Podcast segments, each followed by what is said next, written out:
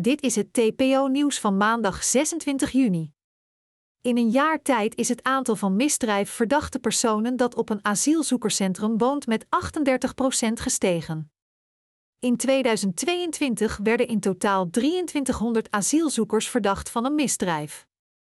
Veilige landers uit Noord-Afrikaanse landen zijn hierbij opvallend in de meerderheid. Premier Mark Rutte denkt erover om bij nieuwe verkiezingen opnieuw lijsttrekker te worden van de VVD, in elk geval als Frans Timmermans leider wordt van de PTA GroenLinks-lijstverbinding. Dit melden bronnen aan onder andere het Parool. In Duitsland heeft de rechtse partij AFD voor het eerst een regionale verkiezingen gewonnen.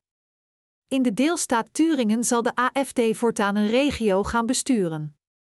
Dit heeft tot ophef geleid onder Duitse politici en in de Duitse media omdat de AFD wordt gezien als een vijand van de democratie en een extreemrechtse partij. En dan nu het weer. Het kan regenen, maar het kan ook droog blijven. Verder is er temperatuur, wind en is het s'nachts koeler dan overdag. Tot zover het TPO Audio nieuws van dinsdag 26 juni. Doei!